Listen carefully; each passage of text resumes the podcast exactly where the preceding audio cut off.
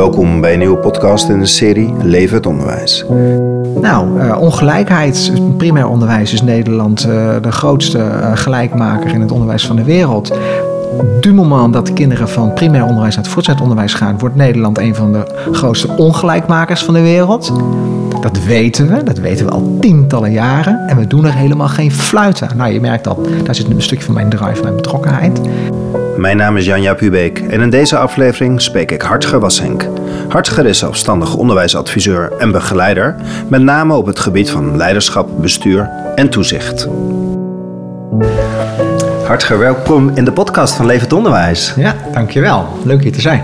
Ja, we zijn bij jou thuis. We zitten in jouw souterrain in Nijmegen. Ja. En ik ben heel benieuwd, Hartger. Jij doet veel in het onderwijs.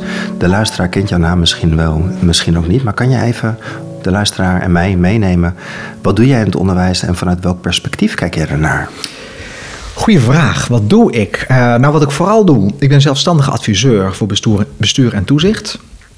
Dus ik werk veel met colleges van bestuur um, en raden van toezicht om hun te helpen bij hun samenwerking. Dat is een beetje een, uh, ja, een niche, om het zo maar te zeggen. Er zijn weinig mensen die daar mee bezig zijn. Ook weinig mensen die daarvan weten, om het zo maar te zeggen, van wat daar precies speelt. Maar daar ben ik een beetje ingegroeid de laatste tien jaar. Dat is eigenlijk het hoofdwerk wat ik doe. Het gekke is dat ik daar het minst over schrijf. En uh, nou ja, ik schrijf ook veel artikelen en dat soort dingen. Uh, die gaan meer over onderwijs in het algemeen. Dat is een tweede thema wat ik, uh, wat ik doe. Ik bemoei me graag met hoe onderwijs beter kan worden. Uh, ik zeg altijd betekenisvol en rechtvaardig. Ik denk dat op die twee aspecten het onderwijs stukken beter kan worden. Ik heb ooit promotieonderzoek gedaan van 2000 tot 2004. Ik was organisatiepsycholoog, kwam via het promotieonderzoek in de onderwijswereld en ik ben me daar gaan verbazen over dingen die ik zag en die verbazing die duurt tot op van de dag van vandaag voort. En als ik dingen wil begrijpen, dan schrijf ik ze op. Nou, en zo ben ik bezig met onderwijs. Ja, dus je kijkt eigenlijk vanuit de hele breedte naar het onderwijs. Ja. Het eerste wat jij zegt intrigeert me, want je zegt ik ben bezig op die bestuurlijke laag. Ja. En daar laat ik mezelf niet zo in doorklinken. Nee. Dat klinkt dat daar een hele grote wereld achter zit. Ja. En misschien ook nog wel dat jij bewust daar in, in stilte in opereert. Nou, in stilte is een groot woord, maar ik vind dat de bestuur en toezicht met wie ik werk, dat die op mijn vertrouwelijkheid moeten kunnen rekenen. Er komen allerlei uh, thema's naar boven die met personen te maken hebben, maar ook met grote belangen wel van, uh, van schoolbesturen. En ja, ze moeten erop kunnen rekenen dat als ik dat soort gesprekken bijwoon, dat daar gewoon helemaal niks over op wat voor manier dan ook in de buitenwereld terechtkomt. Dus ik ben altijd heel zorgvuldig in wat ik daarover schrijf. En dan heel vaak schrijf ik wel dingen en denk, ja nee, dan, dan, zet ik dat toch maar niet in mijn blog of waar dan ook. Dan toch bang ben dat dat uh, te veel de kwetsbaarheid zeg maar, van de relatie uh, Met wat voor vraagstukken ben je bij, op die laag bezig in het onderwijs? Want het is natuurlijk een hele belangrijke ja, ja, laag ja, voor uiteindelijk de leerkracht in de klas. Ja. Nou ja, wat nu heel erg speelt de laatste jaren is uh, wat ze dan noemen toezicht op kwaliteit. Waardengericht toezicht hangt daar ook een beetje mee samen. Ik denk dat je tien jaar geleden ging kwaliteit heel erg over de basiskwaliteit. Hè, opbrengstgericht en zo, resultaten. Uh, heel veel bestuur en raden van toezicht maken nu de beweging naar van ja oké, basiskwaliteit. Nou, doorgaans gelukkig, de meeste scholen is dat gewoon goed in orde. Uh, maar hoe voegen we iets toe? Uh, en hoe doen we recht aan onze maatschappelijke opdracht? Dat is ook zo'n term die, die steeds meer opkomt. Kansengelijkheid is een heel belangrijk thema geworden sinds de inspectie dat heeft uh, aangezwengeld. Dus de inspectie komt bij die besturen langs. Die, die vraagt aan die besturen: hoe zit het eigenlijk bij jullie met kansengelijkheid? Dus het gaat over ja, veel grotere, veel minder meetbare burgerschap, is ook zo'n thema veel minder meetbare onderwerpen waar bestuur en toezicht zich over na, ja, het hoofd over breken. Uh, hoe gaan we dat nou realiseren? He, wat, wat is burgerschap voor onze scholengroep? En hoe ziet dat er dan uit? En wat verwachten we dan van onze directeuren, leraren? Hoe gaan we dat meten? Als je het al kan meten. En als je het niet kan meten, ja, hoe houden we er dan toezicht op? Dus dat zijn uh, hele complexe thema's. En dat vind ik heel boeiend om daar uh, hun in te begeleiden. En hoe werkt dat? Komt er een telefoontje, een mailtje, hartger, help? Ja, ja, nou ja, eigenlijk ja, zo. Zo moet je het zien, inderdaad. En ga je dan één op één of ga je dan in sessies? Of? Meestal is het zo dat inderdaad iemand belt, ofwel de bestuurder of een lid van de Raad van Toezicht. En die zegt van, goh, uh, we willen ons een keer verdiepen in dat en dat thema. Kun je een keer langskomen? Nou, dan kom ik langs en dat is iets van een uur tot een halve dag, soms een hele dag, dat ik met hun uh, dingen doe. Uh, ik heb een bepaalde manier waarop ik daarnaar kijk, waarop ik probeer om voor hun die problematiek een beetje te ordenen. Ik pak altijd concrete voorbeelden bij hun naar voren. Het interessante is, het is, heeft ook altijd een raakvlak op de persoonlijke laag.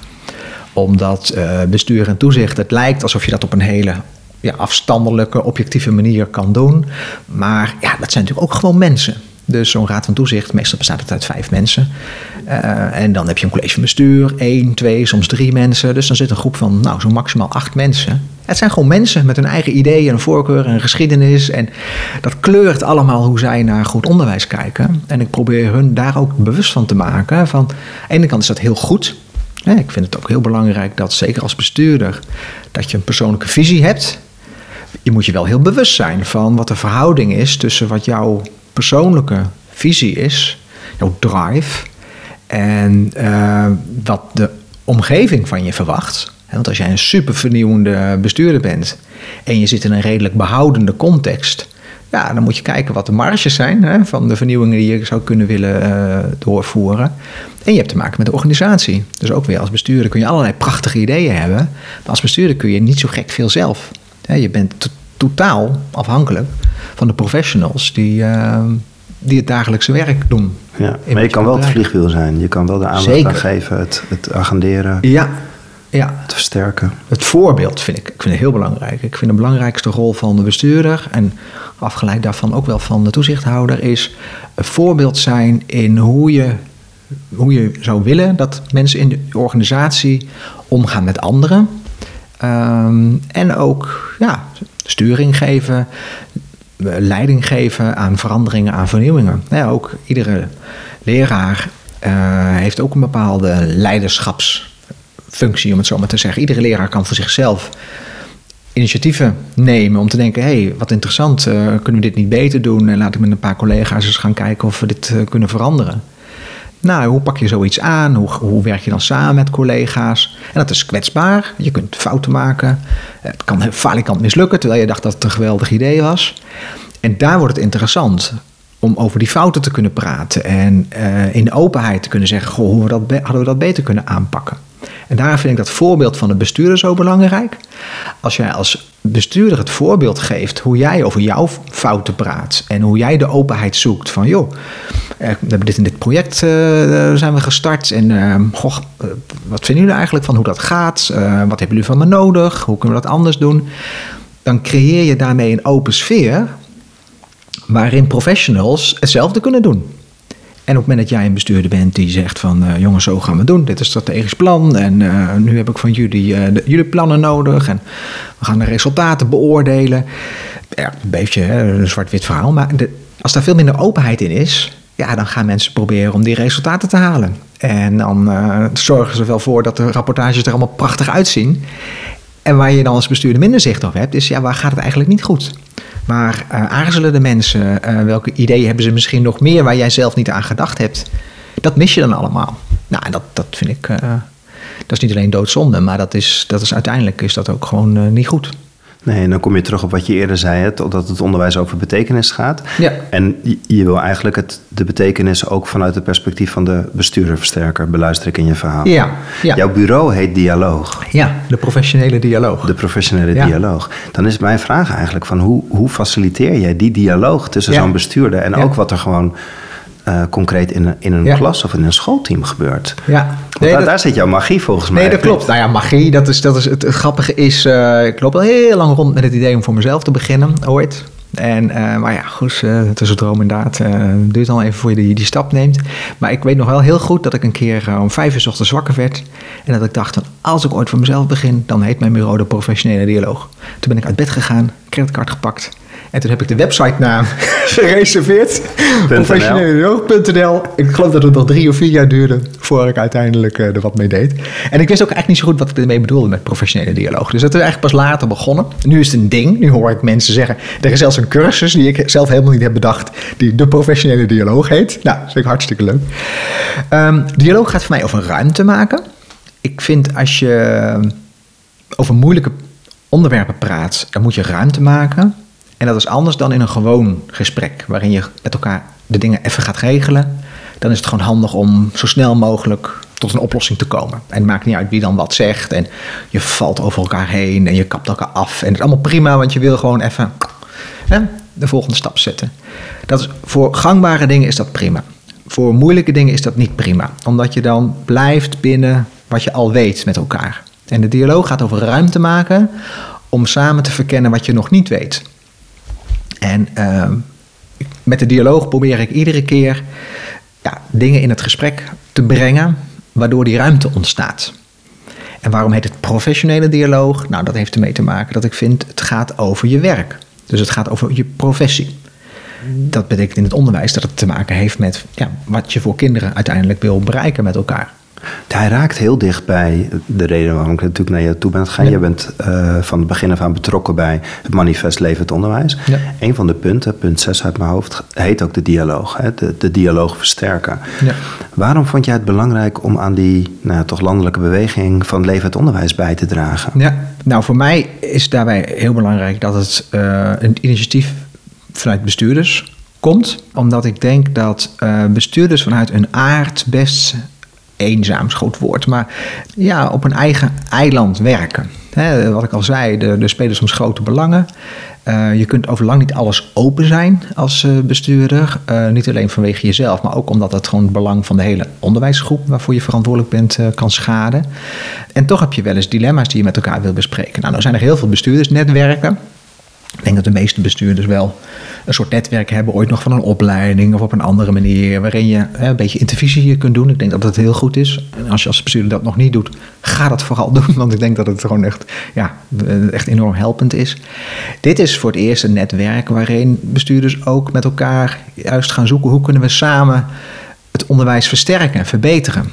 En dat is anders dan bijvoorbeeld de PO-raad. De PO-raad is een, uh, ik bijna willen zeggen, een belangenorganisatie die uh, het belang van het primair onderwijs, een VO-raad voor het voortgezet onderwijs in Den Haag voor het voetlicht brengt. Dat is, dat is meer vanuit strijd, meer vanuit, vanuit politieke belangen. Hoe kunnen we ja, zorgen dat het de, voor ons het kwartje de goede kant op rolt? Uh, en in strijd ben je niet bezig met ruimte maken, maar ben je eigenlijk bezig met ruimte verkleinen. En dat is ook goed, dus ook nuttig. Dat moet er ook zijn. Hoewel ik wel vind dat daar veel meer samenwerking kan zijn, maar dat is een ander thema. Maar je, je bent dan gewoon automatisch veel minder bezig met het kwetsbare open gesprek over onderwijsontwikkeling. En uh, ik denk dat zo'n netwerk als dit, dat dat daar echt de plek voor is. En nou ja, de dialoog is gewoon noodzaak om. Uh, Vertrekt het meer vanuit een verlangen, een gezamenlijk verlangen om het onderwijs te gaan verbeteren? Ja, ja, en, en op, op behouden van, van uh, het beschermen van belangen. En nogmaals, hè, er is niks mis mee. Ik denk dat dat ook, ook, ook moet gebeuren. Um, dus indien ben ik helemaal niet voor het afschaffen van de raden en zo, wat iedereen wel eens, uh, wel eens roept. Um, maar het is heel belangrijk om daarnaast ook veel dieper bezig te zijn, diepgaande bezig te zijn met de inhoud. En wat ik dan interessant vind, Hartge, is jij zit op die laag, je bent daar vertegenwoordigd, ja. je, je wordt gebeld, je, je spreekt hen. En dan zitten zij in het gezamenlijke verlangen om van controle naar vertrouwen te gaan. Dat ja. is letterlijk een ondertitel. Ja. Hoe help jij op die laag ja. om die stappen naar dat vertrouwen te, te zetten? Hoe, hoe, kan je daar een inkijkje in geven? Hoe doe je dat? Door altijd vanuit leerlingen te vertrekken. En dat klinkt ontzettend cliché, maar dat is toch iedere keer weer heel erg belangrijk. Zodra mensen in het onderwijs met elkaar in gesprek komen over wat je bij, bij leerlingen wil bereiken, dan ontstaat er verbinding. Omdat iedereen in het onderwijs, hoe groot onze verschillen ook zijn en hoe we naar onderwijs kijken, iedereen wil uiteindelijk een verschil maken bij leerlingen. Zodat die leerlingen later of nu al in de maatschappij kunnen participeren, hun plek kunnen vinden, hun stem kunnen vinden, mee die maatschappij kunnen gaan, gaan vormgeven. Dat is wat, waar iedereen door gedreven wordt. Dus mijn verhaal begint altijd in mijn begeleiding bij wat willen we nu samen voor die leerlingen? Welk verschil willen we maken? En daar ontstaat dan een gesprek over. Het tweede is dat ik, ik noem het woord verhaal al, dat ik ook mensen vanuit hun verhalen wil laten werken. Omdat ik denk dat je in de verhalen die meer niet meetbare kwaliteit terug kunt vinden. Daar probeer ik mensen dan op te laten vertrouwen dat als je de, als je de, de goede verhalen, de authentieke verhalen van elkaar hoort, dat je dan veel minder controle nodig hebt. Ik geef dus het voorbeeld van het dashboard. Een auto gebruik je om te rijden. Uh, je gaat ergens naartoe. verlangen van de bestemming en daar ben je mee bezig. En dat, dat, dat nou, je hebt zin in een ritje, tenminste meestal. Voor je neus heb je een dashboard met allemaal lampjes. Daar kijk je niet naar, totdat er een lampje brandt wat normaal gesproken niet brandt. Dan ga je eens kijken, hé, hey, wacht even. Dus het dashboard van controle heb je nodig en dat moet er zijn. En dan moet je ook af en toe even op kijken. Alleen als je aan het autorijden bent, kijk je wel door de vooruit. Want je bent gericht op, op waar je naartoe wil. En je bent niet gericht op dat dashboard. Nou, dat is waar ik mensen ook op dat verschil probeer te laten zien. Van, uh, zeker in bestuur en toezicht. Kijk, de, de, Raad van Toezicht, voor 80% gaat het werk over dat dashboard. Hoe is het met de financiën? Hoe is het met de kwaliteit? Uh, lerarentekort, lange termijn personeelsbeleid. Hoe noemen we eigenlijk? Dat zijn allemaal dingen die zitten allemaal op dat dashboard. Gaat het wel goed? Gaat het niet verkeerd? En wat je dan zomaar over het hoofd zou kunnen zien, is dat het ook ergens toe moet leiden. Namelijk, nou ja, dat verschil bij kinderen. En wat is dat verschil? En hoe, hoe doen we dat nu? Uh, en hoe ontwikkelt die betekenis uh, zich in de loop der tijden? In Nederland hebben we scholen die veelal ontstaan zijn vanuit maatschappelijk initiatief. Dat is een groot goed, vrijheid van onderwijs in Nederland. Dus je hebt heel veel verschillende scholen, christelijke denominaties, pedagogische varianten. Maar dat is ook aan verandering onderhevig. En dus moet je met elkaar bespreken. Christelijk onderwijs anno 2020, dat is anders dan in 1980. Vrije schoolonderwijs, antroposofie ontwikkelt zich ook. Niet alles van wat we 100 jaar geleden van Rudolf Steiner lazen, ja, slikken we nu nog voor, zoete koek. Dus hoe, hoe geven we anno 2020 vrije schoolonderwijs vorm? Uh, scholen fuseren, uh, scholen in het ene dorp konden 30 jaar geleden niet voorstellen dat ze zouden samengaan met een school in het andere dorp. Nu zijn ze plotseling hè, één school onder één dak. Wat betekent dat dat we één gezamenlijke stichting zijn? Misschien zelfs nog wel confessioneel en openbaar onderwijs ook onder één stichting. En hoe werkt dat door in, de, in onze kwaliteit, hè, in onze, de, die kwaliteit die uitstijgt boven die, die basisvoorwaarden? Nou, dat zijn hele belangrijke gesprekken om te voeren die niet onmiddellijk doorwerken in hogere cijfers of wat dan ook, maar die wel doorwerken in ja, de kwaliteit van hoe mensen met elkaar omgaan en of mensen zich geborgen voelen in een organisatie of leerlingen en ouders zich welkom voelen. Het is een lang antwoord op een vraag naar nee, het is vertrouwen en controle, was het, hè? Ja, ja, was, ja.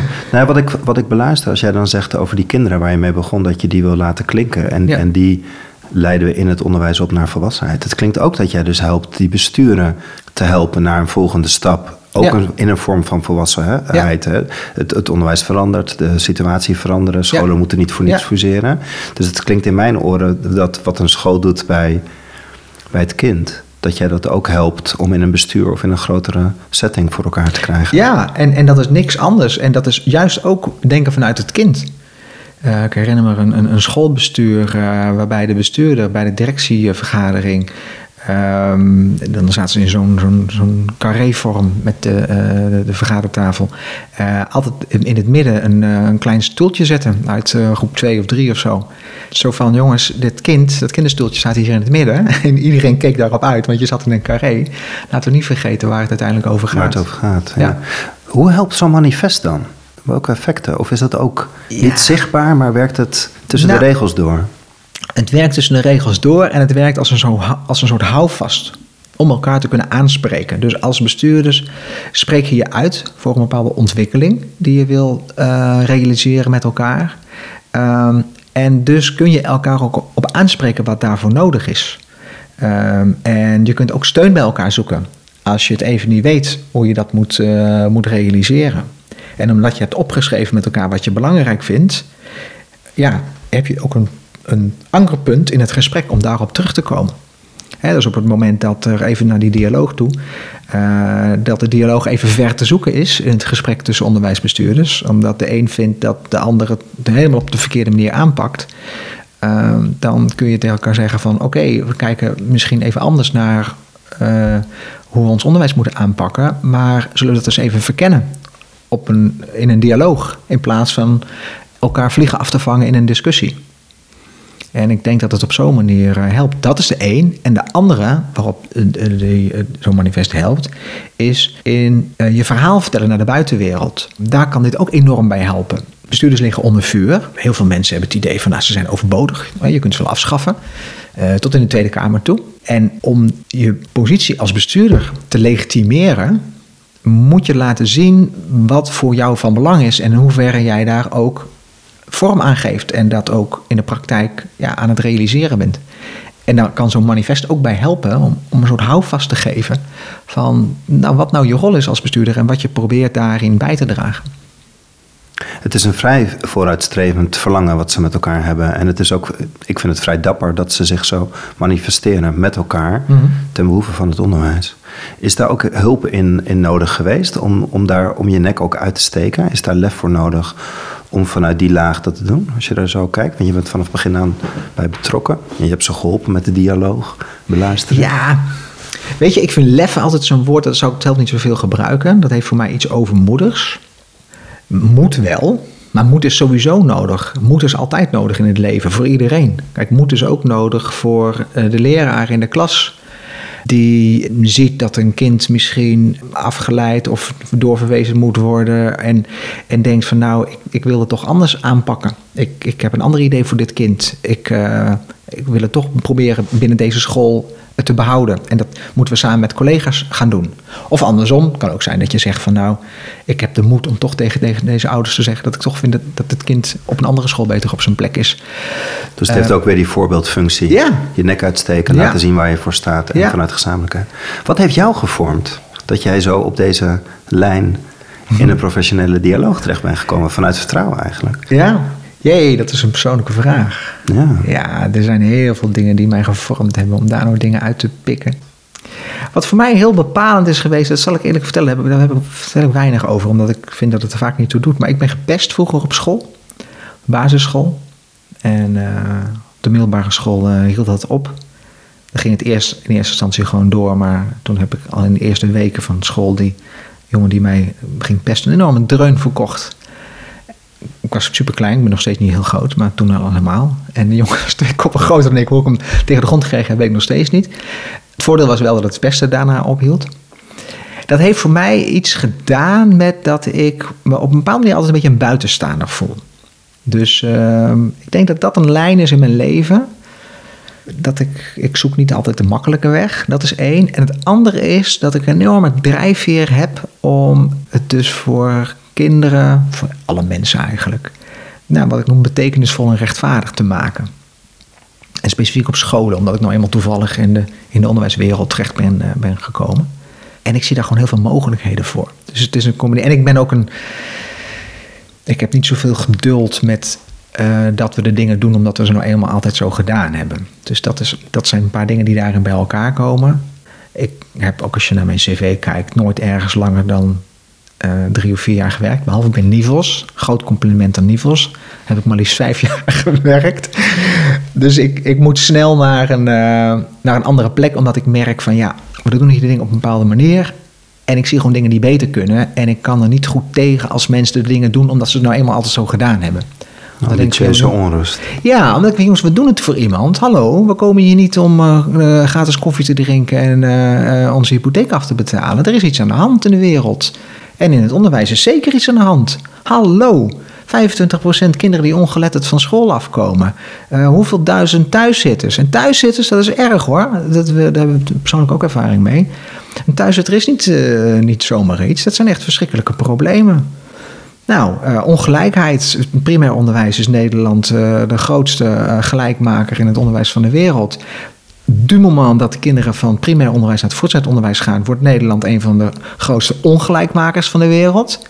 Dat weten we, dat weten we al tientallen jaren. En we doen er helemaal geen fluit aan. Nou, je merkt dat, daar zit een stukje van mijn drive, mijn betrokkenheid. Um, nou, we doen er geen fluit aan. Je bent afgestudeerd bij Dol van den Berg. Ja. Dol van den Berg heeft de afgelopen jaren zich enorm geroerd. Wat geresoneerd heeft in, of wat als uitkomst heeft de Taskforce Ontwikkelingsgericht Onderwijs. Ja. Ondanks het boek Onderwijs na COVID-19 uitgekomen. Ja. Ehm, hoe kijk je naar die beweging als je het hebt over jouw innerlijke onrustige ambitie met verlangen naar beter onderwijs? Ja, zal ik eerlijk zijn met een dubbel gevoel. Ik ben al dus ook lang bezig met het uh, verbeteren van onderwijs. En ik ben de laatste jaren steeds meer toegegaan naar dat het op de werkvloer, vreselijke term, maar dat het in de driehoek ouder, leerling, leerkracht, daar moet het beginnen. Daar moet het vertrouwen ontstaan dat de dingen op een andere manier kunnen. En daar ga je samen ontwikkelen en nieuwe uh, dingen uitproberen. Hopelijk wordt dat groter. Zo'n leerkracht zit in een team. Het team gaat meedoen. De schoolleider kan dat ondersteunen. En die kunnen zien: hé, hey, we doen hier mooie dingen die werken. De bestuurder kan daar ruimte voor geven. En zo langzamerhand kan dat gaan eh, uitgroeien. Ik denk dat dat. Op dit moment denk ik dat, dat de enige echte duurzame manier van onderwijsverandering is. Op het moment dat je van bovenaf dingen gaat opleggen, dit is de manier om het te doen, zo moet je het aanpakken. Uh, met Agora loop je dat risico. Ik weet dat ze bij Agora, vanuit de vereniging Agora, daar heel anders over denken. Dus gelukkig maar. Maar van de buitenwereld lijkt het soms een beetje van... hé, hey, daar heb je die club Agora, die willen Agora over heel Nederland uitrollen. Is helemaal niet zo. Maar dat werkt dus zo niet. En het systeem, Hartschaar, ik onderbreek je waarvoor excuus, maar het systeem is heel dwingend. Wat jij net zegt over die overgang van PO naar VO. Het systeem is helemaal niet dwingend. Maar het gebeurt ja, omdat mensen niet, niet, zich niet uh, de, de, de, de, moed hebben en zichzelf de ruimte niet gunnen om te veranderen. Er zijn 10 tot 14 scholen. Er zijn scholen die, die geen waarde proberen te hechten aan de, aan de eindtoets. Uh, dus het kan gewoon, alleen je moet het doen. En je moet ervoor staan. Ja, en dat moet, dat moet je dus de moed hebben en de verantwoordelijkheid nemen om het anders te gaan doen. Potverdorie. nee, echt, ik word echt boos als mensen zeggen: het systeem, het systeem. Het systeem zijn we zelf. Kijk, in de onderwijswet, er staat bijna niks in. Neem die ruimte. Nou ja, er staat in die zin wel in. Als ik dan even kijk vanuit mijn perspectief van leraaropleiding. Je wordt voor het basisonderwijs of voor tweede graads, eerste graads opgeleid. Vrij dwingend. Ja, en er zijn scholen die zich er niks van aantrekken. En doordat die scholen zich niks van aantrokken, is er nu een wet uh, met die gemengde bevoegdheid. En dat komt niet omdat minister Slot met een geweldig idee kwam. Nee, dat komt omdat het professionals waren die de verantwoordelijkheid hebben genomen, al tien of soms vijftien jaar geleden. Die daar hebben laten zien dat het werkt, dat het beter is voor leerlingen. En die toen vanuit een niet kracht in Den Haag hebben laten zien: wij hebben ruimte nodig in de wet om meer betere dingen voor leerlingen te kunnen doen. En zo ontstaat verandering en niet vanuit de overheid. En die ruimte is er al, die moeten we pakken. Ja, en weet je wat ook in de wet staat? Ononderbroken ontwikkeling van leerlingen. Artikel 2 van zowel de wet op primair onderwijs als de wet van het voortgezet onderwijs. Van de week was ik nog een gesprek met de inspectie en ik heb ook aan hun gevraagd: wanneer gaan jullie daar eens een keer toezicht op houden? We doen zitten blijven. Lees alle literatuur er maar op na. Zitten blijven is gewoon onzin. Moet je niet meer doen. Nederland is het land van de wereld waar de kinderen het meest blijven zitten. Waarom? Stop daarmee. En ook weer, er zijn scholen die het doen. Maar zitten blijven is afgeschaft. Dus het kan. Alleen je moet het doen. Daar zit het in. Ja, nou, dat is dan misschien de moed waar je het over hebt om het. Uh... Nou voel ik mij vrij verantwoordelijk om, om leerkrachten op te leiden met die moed om dat te gaan doen. Geef mij een opdracht mee. Hoe ga ik dat doen? Door de dialoog aan te gaan, door het gesprek met elkaar aan te gaan, door met elkaar te gaan vragen: wat willen wij nou eigenlijk voor leerlingen bereiken? Wat vinden wij belangrijk? En dan met elkaar naar de praktijk te kijken. Dus als wij het belangrijk vinden dat kinderen kansen krijgen, dat kinderen elkaar ontmoeten in de verschillen die er zijn. Uh, dat zijn woorden die ik gebruik. Hè? Oh, prachtig, kinderen ontmoeten elkaar in de verschillen die er zijn. Nou, laten we beginnen met die wet. Dat kinderen een ononderbroken ontwikkeling doormaken. En dan gaan we, laten we dan met elkaar samen naar de school gaan. En gewoon gaan kijken in die school. Wat gebeurt daar? Wat zien wij wat daar te maken heeft met die ononderbroken ontwikkeling? Wat positief is en wat misschien negatief is. Nou, wat kunnen we dan versterken wat goed is en waar kunnen we verbeteren wat minder goed is? Gewoon heel simpel dat gesprek. Ik denk dat we het zo, zo moeten doen. Ik gun bijvoorbeeld voor leraaropleidingen. Mijn droom is dat lerarenopleidingen direct verbonden zijn met scholen. En we zeggen al, hè, met samen opleiden en zo, we doen het wel, maar we doen het eigenlijk maar heel weinig. Hoe vaak komen stagebegeleiders nou in scholen? Hoe vaak komen mensen die op scholen uh, werken nu op opleidingen om echt samen te praten over hun visie op onderwijs? Hoe vaak kijken ze echt samen gewoon en niet een paar minuten, maar gewoon echt langdurig naar wat gebeurt er eigenlijk op scholen? Maar zeg je nu eigenlijk dan ook even terug naar het manifest en naar de bestuurders? Dat het eigenlijk nog wel een heel voorzichtig begin is, het manifest levend onderwijs? Ja, ja, maar je kunt ook niet veel meer dan dat. Dus in die zin vind ik het niet voorzichtig, omdat je, je hebt het lef, toch maar dat woord, om je uit te spreken en te zeggen wij maken ons samen hard om, omdat er dingen verbeterd kunnen worden. En daar staan we voor, kun je ons op aanspreken. En dat is al heel wat. En vervolgens kun je op het niveau van zo'n.